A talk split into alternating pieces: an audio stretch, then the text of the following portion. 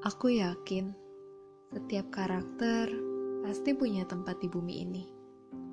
Pendiam atau periang, yang banyak berbicara atau yang banyak bertindak, menggebu-gebu atau tenang geraknya.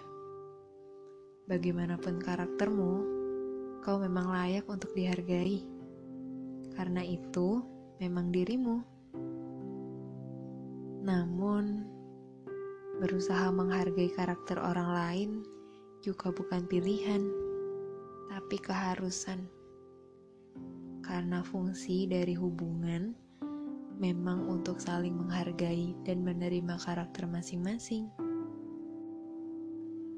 Tabrakan karakter, sifat, pemahaman akan selalu saja terjadi.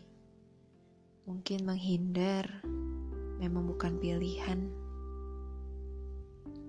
Tapi percayalah, setiap orang yang mempunyai hati pasti kan ada waktunya untuk luluh. Juga kan ada fasenya lelah terus bertabrakan.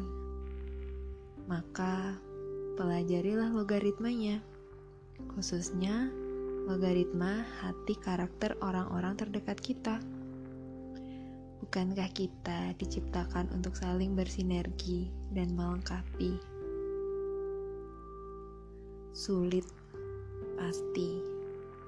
Tapi aku yakin kamu, aku, kita semua pasti bisa berteman dengan ego kita.